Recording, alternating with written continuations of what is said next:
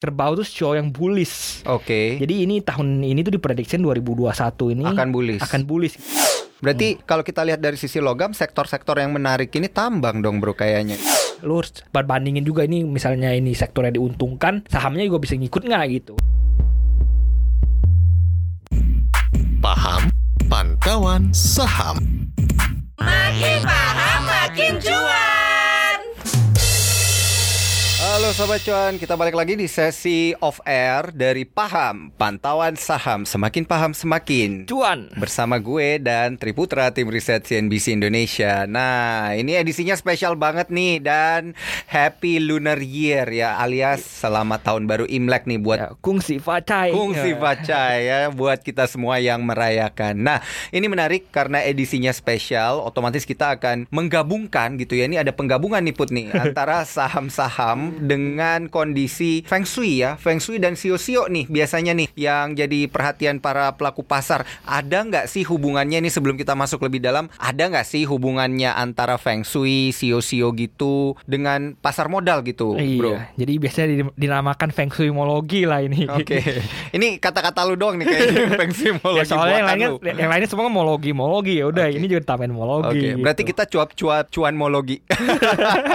Oke, gimana nih Feng Shui Oke, mologi? Oke. Pertama gue bahas Feng Shui-nya dulu ya. Jadi Feng Shui itu apa? Feng Shui itu sebenarnya ilmu yang pelajari bagaimana cara manusia supaya bisa hidup selaras dengan alam lingkungannya gitu. Jadi Feng Shui itu ilmu astrologi, ilmu bumi, topografi gitu. Jadi ini dari ancient China ya. Jadi dari Mhm. di- udah udah umurnya udah 4000 5000-an tahun lalu gitu. Jadi udah Mhm. tua banget ilmu ini gitu. Jadi ilmu ini tuh biasa dipakai misalnya dulu ada raja-raja yang ingin cari lokasi istananya Mhm. gitu. Jadi supaya bisa cocok bumi dan langit, nah cari lokasinya di mana bagus lokasi istana. Lalu Iya. struktur bangunan itu istananya seperti apa, flow di dalamnya seperti apa gitu. Jadi caranya tuh carinya lewat feng shui gitu. Oh gitu. Jadi ibarat apa ya ini ya kompas kali ya. Karena zaman dulu kan nggak ada aplikasi tuh buat ngelihat saham atau buat ngelihat informasi nggak ada Google gitu. Jadi, jadi sebenarnya- bilangnya Feng Shui gitu ya. Jadi sebenarnya feng shui itu dari dari artinya dari tuh feng sama shui itu angin dan Uh-uh. air. Feng tuh ai, Angin dan air doang. shui itu air gitu. Jadi lihat flow, pergerakan Oh. air, pergerakan anginnya seperti apa Kayak kompas gitu. ya berarti ya. Bener kan? Kurang lebih Ya. kayak kompas. Kalau sekarang kompasnya kita itu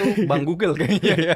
Nyari informasi ke sana tapi kalau nyari informasi ekonomi tetap di job job cuan Iya, dan di gitu ya. CNBC Indonesia. dan di CNBC Indonesia. Oke. Kok lupa promo bro? iya dong. Numpang promo gratis ini channel kita sendiri.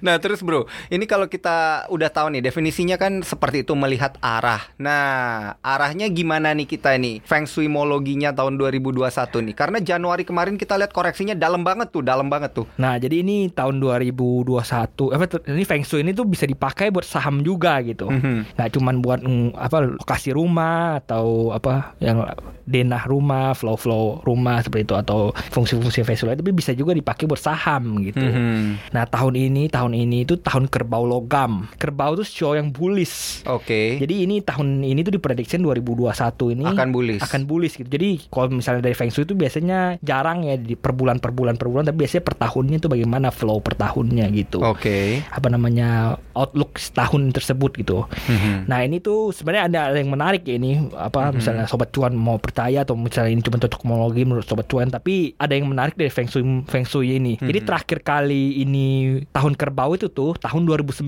Oke. Dan lu kan tahu apa tahun 2008 tuh terjadi apa? Iya, subprime mortgage rate, Nah, pasar pada crash Pada di crash, Amerika gitu. sampai ke Indonesia juga kena. Nah, jadi satu hari setelah ta- apa crash itu tuh tahun kerbau, tahun pemulihan.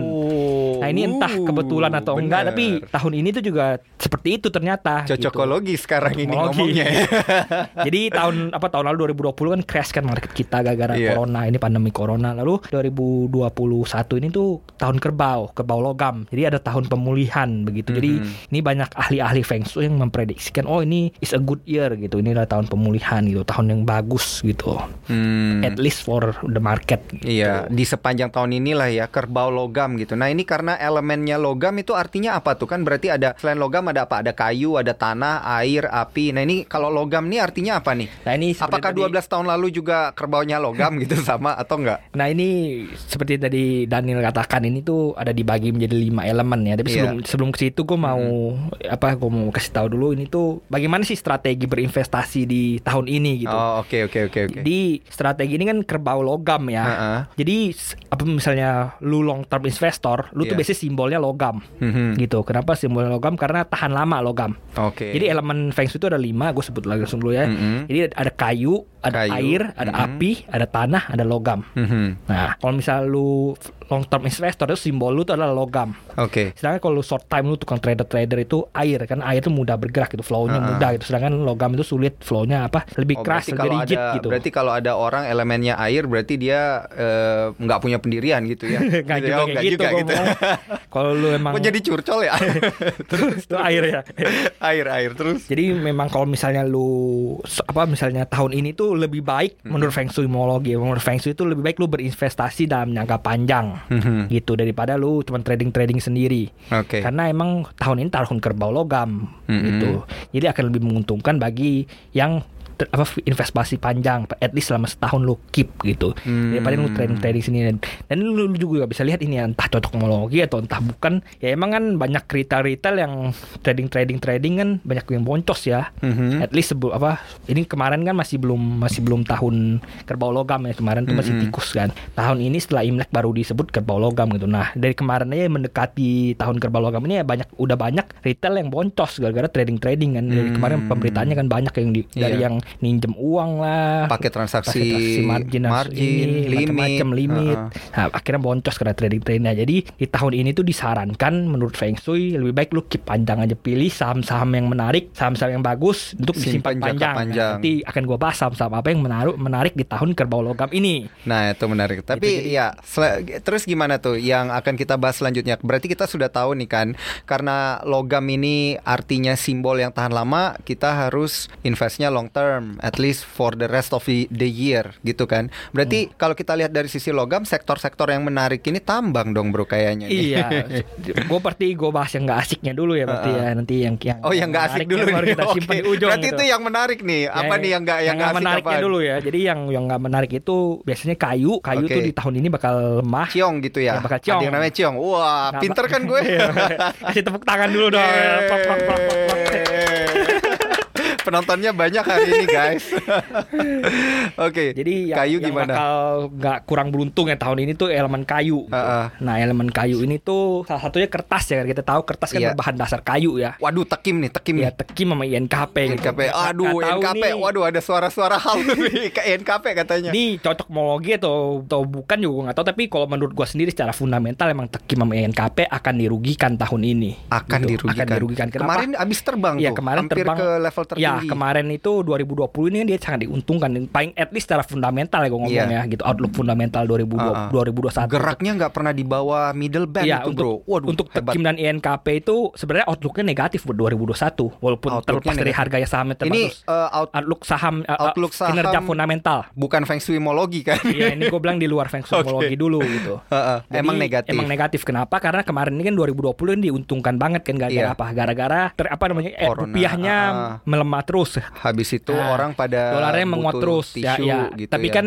majority-nya kan gara-gara itu dia dia Ah, punya untung kurs kan. untung kurs kursnya gede, banyak Iya. gitu ya ya ya. Nah, ya. 2021 ini tuh akan terjadi kebalikan. Oke, karena, karena recovery rupiah akan ya. meng- nah, karena rupiah akan menguat. Nah, Ah, ah. baru-baru ini kan Biden baru tanda tangan ya stimulusnya Iya, udah iya. udah makin lancar lah, udah makin deket kan.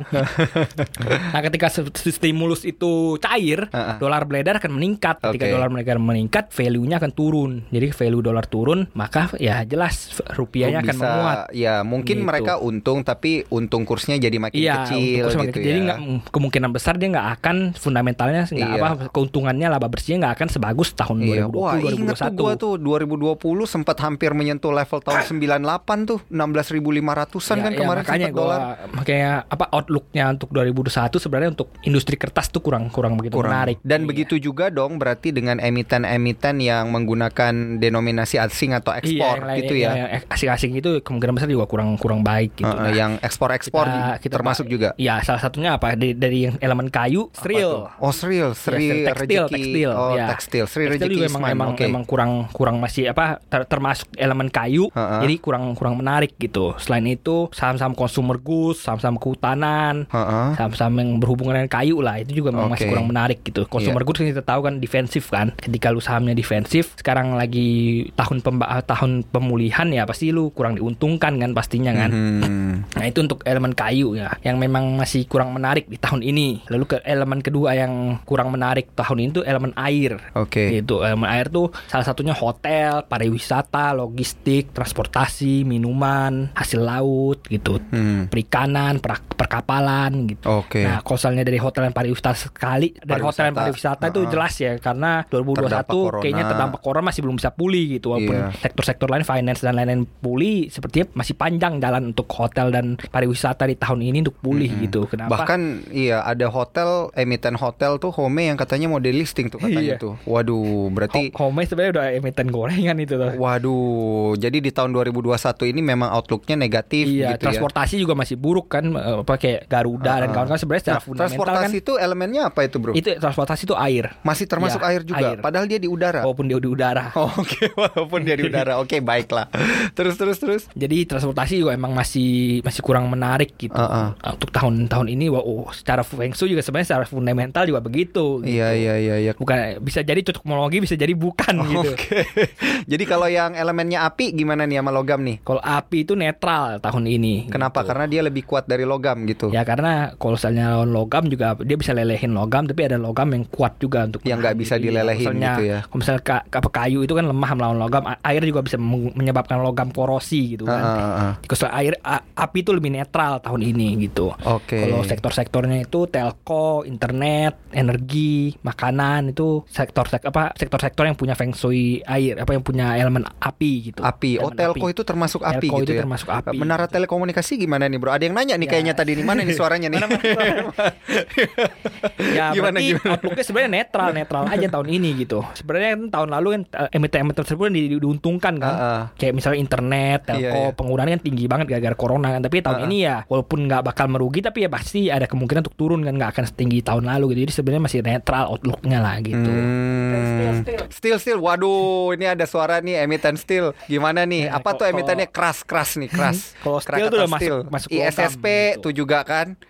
ada nggak tadi ada suara-suara gitu kalau bukan mau keras. saham nih keras kayaknya nih. ISSP tadi gue dengernya.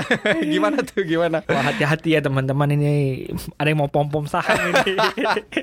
Enggak ya sobat cuannya ini Eh, bercanda. kita Kali aja ada sobat cuan yang kebe- kebetulan Iya, berinvestasi. sekali lagi gue mau itu apa namanya disclaimer lagi ya kalau Ah. kita sebagai gue sebagai tim riset Indonesia itu nggak boleh trading saham. Kalaupun gue mau investasi harus dideklar ke kantor gitu. Makanya gue sangat cocok banget sama tahun ini. gitu. Oh gitu, karena, kenapa? Karena logam dari gue bilang kan Oh, lu investasi kok jangka panjang. diri lu gitu. sendiri sih? Oh, Nggak, gitu, Gue nggak diri gue. Gue bilang secara feng shui itu bagus. oh, Karena iya, iya, logam, iya, iya, iya. logam jadinya jangka panjang investasi jangka Ah, panjang bagus gitu. Nah, berarti lu yang pom-pom nih kan.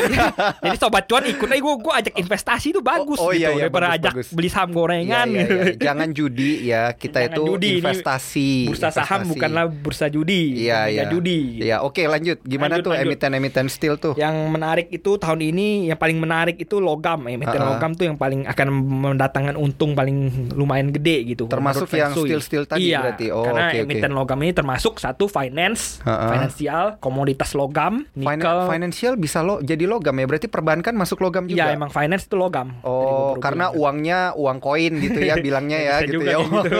uang logam padahal udah digital nih. Ya. Oke, Yang kedua keuangan, itu keuangan, finance, Finance. komoditas logam. komoditas Komoditas logam. logam tuh kayak misalnya nikel, besi, ya, Ha-ha. dan teman-temannya itu bakal Iya. diuntungkan. Lalu emas, emas, juga Emas. bakal diuntungkan. Heeh. Lalu permesinan dan permobilan. Permesinan dan permobilan. Iya. Baru aja pekan lalu kita lihat ada aksi jual asing di Astra Internasional tuh gimana tuh sampai 500 Ya, se- miliar loh. Ya sebenarnya Karena belum belum tahun baru Imlek ya Iya, waktu itu ya belum. Alasan aja ngeles aja lu kayak bajai bro. Cocokologi bro, cocokologi.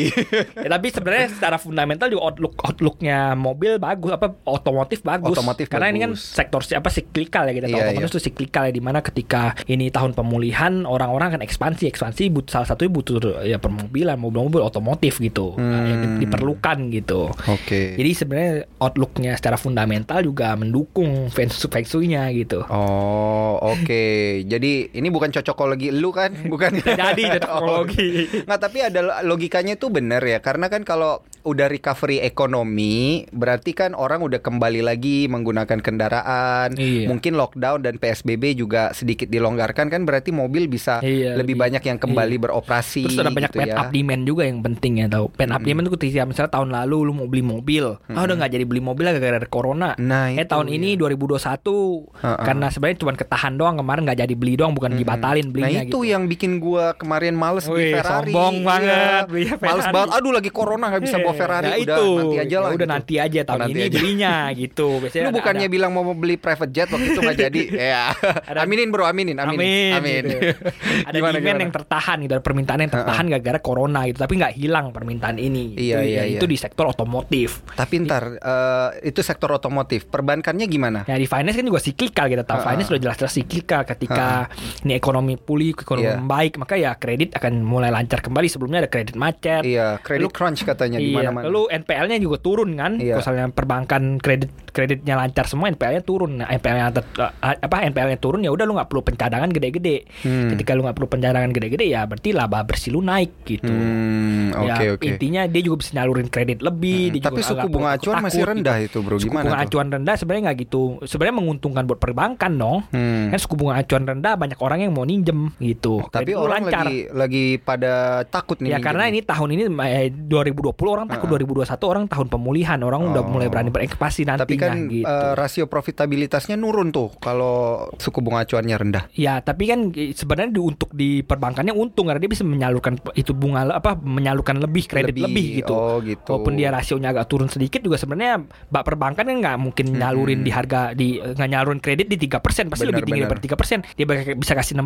Makanya biasanya lu walaupun suku bunga acuan turun-turun terus Kalau banknya nggak nurunin ini ya bunganya Bank- bunganya banknya nggak nurunin bunga tetap ininya tinggi tetap kredit aja. lu gitu. Jadi sebenarnya juga ini sebenarnya ada masalah di perbankan kita yaitu ketika suku bunga acuan turun sebenarnya perbankan kita tuh lama sekali itunya. Transmisinya. Eh, transmisinya lama Uh, banget uh. gitu.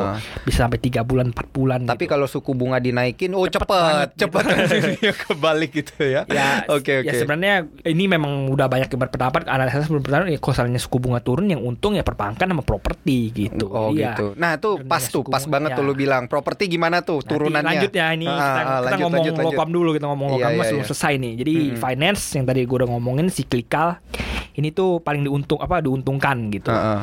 lalu komunitas-komunitas logam juga Iya. diuntungkan nikel akhirnya nikel kan baru lagi baru-baru ini kan yang sentimen EV battery ya Oh iya iya iya.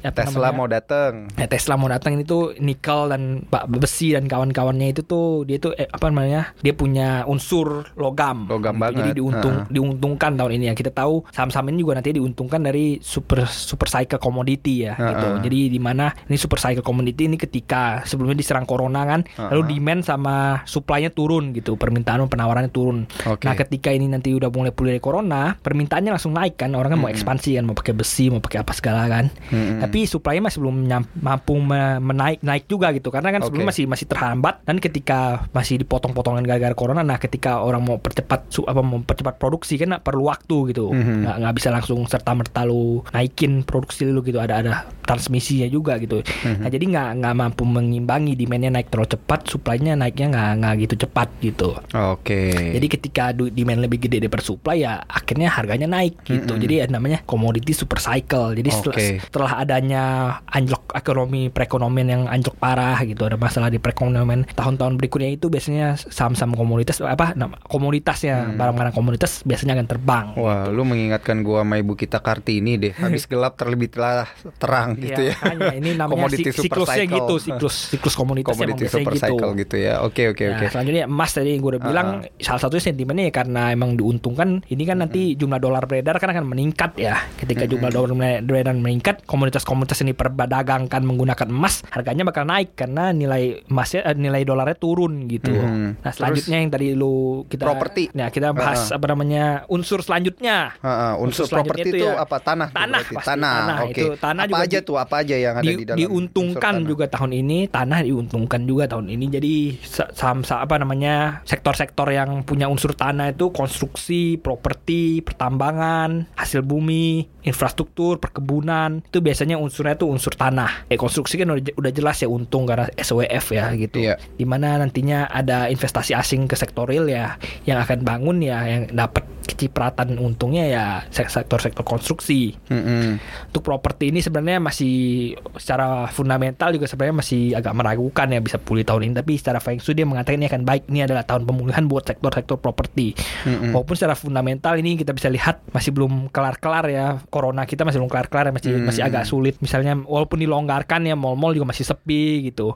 Lalu penjualan-penjualan rumahnya juga masih turun gitu. Apakah 2021 ini bisa bangkit sesuai dengan Feng Shui? Kita masih bisa harus kita nanti gitu. Mm-mm. tapi sebenarnya secara fundamental menurut tim riset sendiri itu outlooknya masih kurang menarik gitu. Tapi secara Feng Shui bagus gitu. Oke. A- Ada ada secara Feng Shui meramalkan ini adalah tahun yang bagus buat emiten-emiten properti gitu. Oke, emiten properti juga dapetin ininya ya, apa positif efeknya dari perbankan yang juga Iya, yang mengalami dia. perbaikan gitu. Dia emiten properti juga dapat sentimen positif dari di mana ini suku bunga masih tetap rendah kan. Kalau suku Uh-uh. bunga tetap rendah ya orang berani nyicil rumah, orang berani kredit rumah gitu. Karena suku bunganya, bunganya masih rendah gitu. Oke, jadi sebenarnya lebih banyak yang diuntungkan ya kalau Ya. kalau dilihat lebih banyak gitu lebih jelas perbankan Iya, udah pasti diuntungkan. Hmm. Perbankan oke, per- turunannya juga turu eh, dapat gitu. Nah, kalau yang logam udah pasti-pasti nih. Nah, tapi kalau yang tambang lain gimana? Minyak misalnya, tambang minyak, batu bara gitu. bilang, nah ini pertambangan nih minyak dan batu bara kan juga bakal dapat sentimen komoditi super cycle. Oh, pertambangan kena tadi juga gua bilang berarti tanah ya. ya, itu unsur Tanah, tanah, ya pertambangan ya itu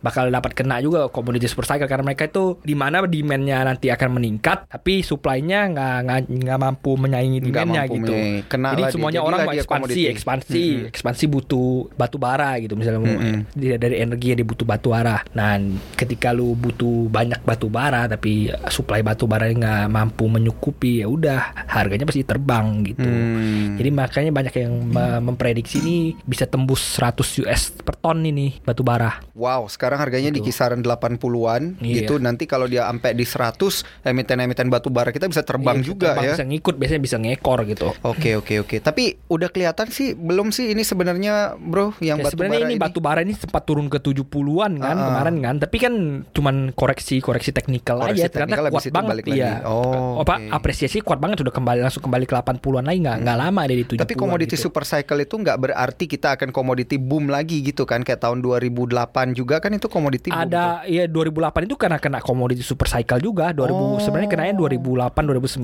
gitu Jadi efeknya di 2009 gitu Iya, ya yang efeknya di Ah, ah. 2009 gitu komoditi harga-harga batu bara itu juga booming. udah sempat terbang di hari-hari apa di tahun-tahun itu ya. Mm-mm. Biasanya nggak emang nggak berlangsung nggak cuma satu tahun dong, biasanya 2 sampai tiga tahun efeknya gitu. Oke, jadi yang itu udah. Nah, terus kita ngelihat dari emiten-emiten Selanjutnya gue apa masih Sektor-sektor apa nih? masih ada masih ada lagi yang unsur tanah itu perkebunan ya. Oh agro. iya, perkebunan agro belum nih Agro apa, agro gimana nih? Apa namanya? Bukan bukan ag, bukan agri agrikultur CPO, gitu, CPU.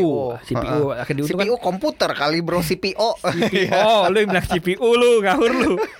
Iya. CPO itu diuntungkan ya karena dapat commodity super cycle juga satu. Di mana Mm-mm. kalau lu mau banyak ekspansi kan misalnya lu food grade kan lu butuhnya CPO minyak nabati ya gitu. Hmm. Jadi ini akan diuntungkan juga dari komoditi super cycle dan dari secara historis juga emang ketika terjadi komoditi super cycle, saham-saham komoditas naik, CPO juga ikut naik gitu. Hmm. Jadi bakal diuntungkan dia gitu dari Oh, oke. komoditi super cycle dia juga emang secara feng shui masuk ke unsur tanah yang diuntung yang untung tahun ini gitu. Oke, jadi kalau kita lihat, eh, ya benar yang tadi gue bilang ya, berarti kalau kita lihat secara kesel- keseluruhan itu lebih banyak yang diuntungkan kan di 2009 ini. Iya. Emiten-emiten yang tertinggal itu kayaknya cuma beberapa doang. Nah, emiten rumah sakit sama emiten farmasi udah pasti naik dong ini. Ya sebenarnya kalau emiten rumah sakit atau rumah fa- farmasi itu sebenarnya masih kalau secara fun apa kita ngomong diuntungkan secara fundamental pasti diuntungkan gitu. Tapi kan kalau misalnya gua ngomongin sahamnya kan udah udah out of out of mind banget gitu. Udah Hmm. udah secara valuasi udah nggak masuk akal dan apa segalanya lu ada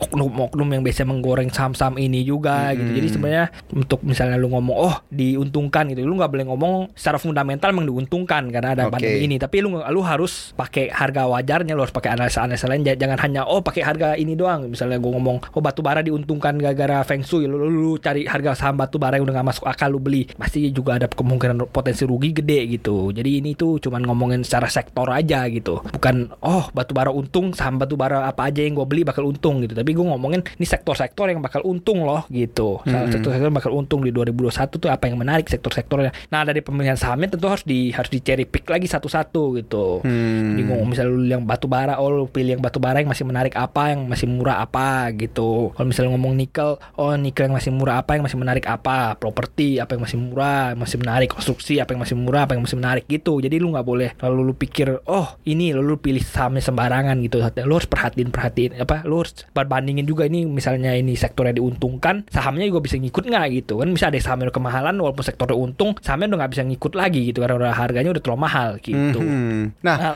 berarti yang perlu diwaspadai risiko ada maksudnya investasi kan pasti ada risikonya di tahun kerbau logam ini. Apa yang sebenarnya perlu diwaspadai? Nah, ini kalau- Apakah kalau- untuk orang-orang yang sionya bukan kerbau ini menjadi satu? Nah ini justru ini menariknya gini ya. Kalau misalnya tahun kerbau itu biasanya orang yang bersio kerbau yang ciong gitu, yang kurang Waduh, gitu. justru karena dia kerbau dia ciong gitu biasanya ya. kayak gitu. Nah jadi ini ada beberapa show yang emang ciong ya di tahun Heeh. ini ya. Salah satunya itu pertama kerbau yang tadi gue udah ngomongin itu kerbau itu orang-orang yang kelahiran 2009, 1997, 1985 gitu. Heeh. Itu orang-orang yang ciong gitu. Heeh. Sebenarnya gua tanya dulu, gua, lu- gua kelahirannya 2001 gimana? Itu lu tahun bohong apa aja? lu.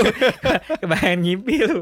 lu tahun berapa Lu- emang lu? lu- lu- lu- lu sio apa Lah, emang? Lu sio gue naga, gue naga. Lu naga. ya? Heeh. Naga itu untung gak ya? Wow, Ya, kita lanjutin untung? dulu ya Untung yang, dong. yang kurang ya amin, Amin ya, amin amin. Yang kurang beruntung lagi sa- apa orang-orang yang punya sio kambing ya. Heeh. Itu orang-orang yang lahir Karena di dia tahun- temenan sama kerbau gitu.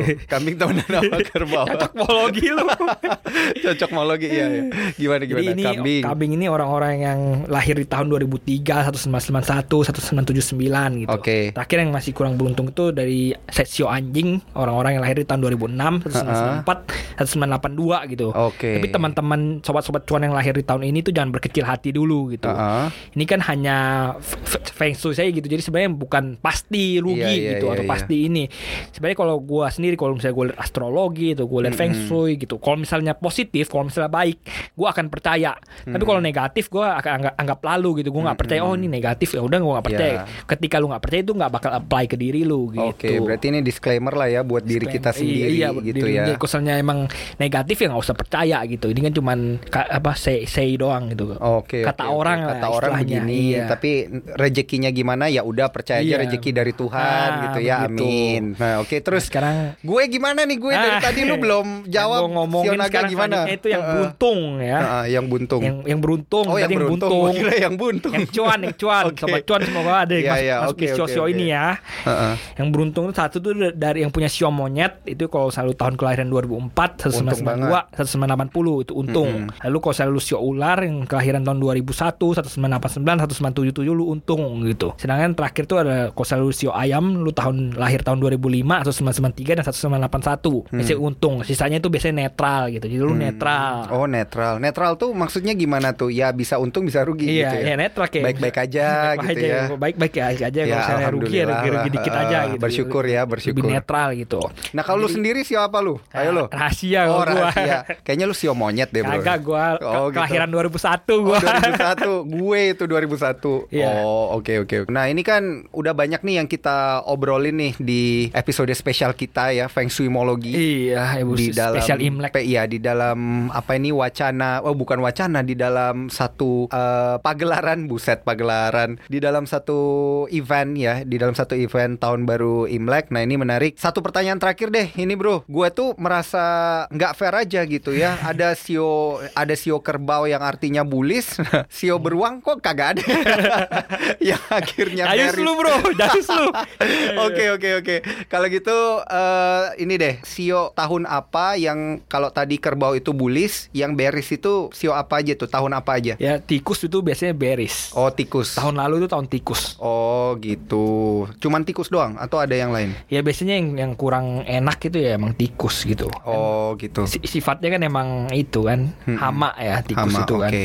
Berarti ini terakhir nih dari sudut pandang feng shuimologi singkat aja. Singkat aja nih Iya, buat iya. sobat cuan nih. Iya, Ya ayo, singkat apa? aja. Gini, eh, di sepanjang tahun 2021 level IHSG berdasarkan feng shuimologi Banyak yang mengatakan cara feng shuimologi itu bisa tembus all time high-nya gitu. Di Bisa atas bisa 6.700 tembus- iya, berarti bisa tembus ya? ke 6.800 gitu. Oke oke Karena emang oke, tahun oke. ini tahun pemulihan jadi banyak yang Uh-uh. berharap, banyak yang menganggap juga bisa tembus tahun eh, level itu gitu. Jadi sobat cuan jangan lupa tadi tips and triknya udah dikasih tahu sama Bro Putra. Ini tahun yang logam artinya itu investnya jangka panjang ya namanya invest emang jangka Iya, panjang berarti investor. jangan trader. Heeh. Kalau trading trading nanti bisa nyangkui atau rugi atau apa pun itulah ya apalagi pakai margin sama transaksi limit ya. Tapi long story short ingat rezeki itu adalah rezeki yang datang dari yang maha kuasa ya. Udah di disclaimer juga sama Bro Putra tadi yang baik-baik didengerin aja tapi yang kurang baik nanti ya disyukuri aja gitu ya karena balik lagi ya keputusan investasi saham itu balik ke tangan para sobat-sobat cuan. Nah, ini waktunya udah habis sobat cuan. Thank you banget udah dengerin edisi spesial kita bareng gue Daniel Wiguna dan Gua Triputra dari tim riset tim riset CNBC Indonesia. Terima kasih banyak atas waktunya dan terima kasih banyak juga buat sobat cuan yang udah dengerin. Jangan lupa di share, di like dan dibagi-bagikan podcast kita di Spotify cuap cuap cuan. Ada Apple Podcast, Google Podcast juga. Dan jangan lupa follow Instagram kita di cuap underscore cuan. Gue Daniel Wiguna di segmen paham pantauan saham. Semakin paham semakin cuan. bye. Kita undur diri dulu. Yo bye guys.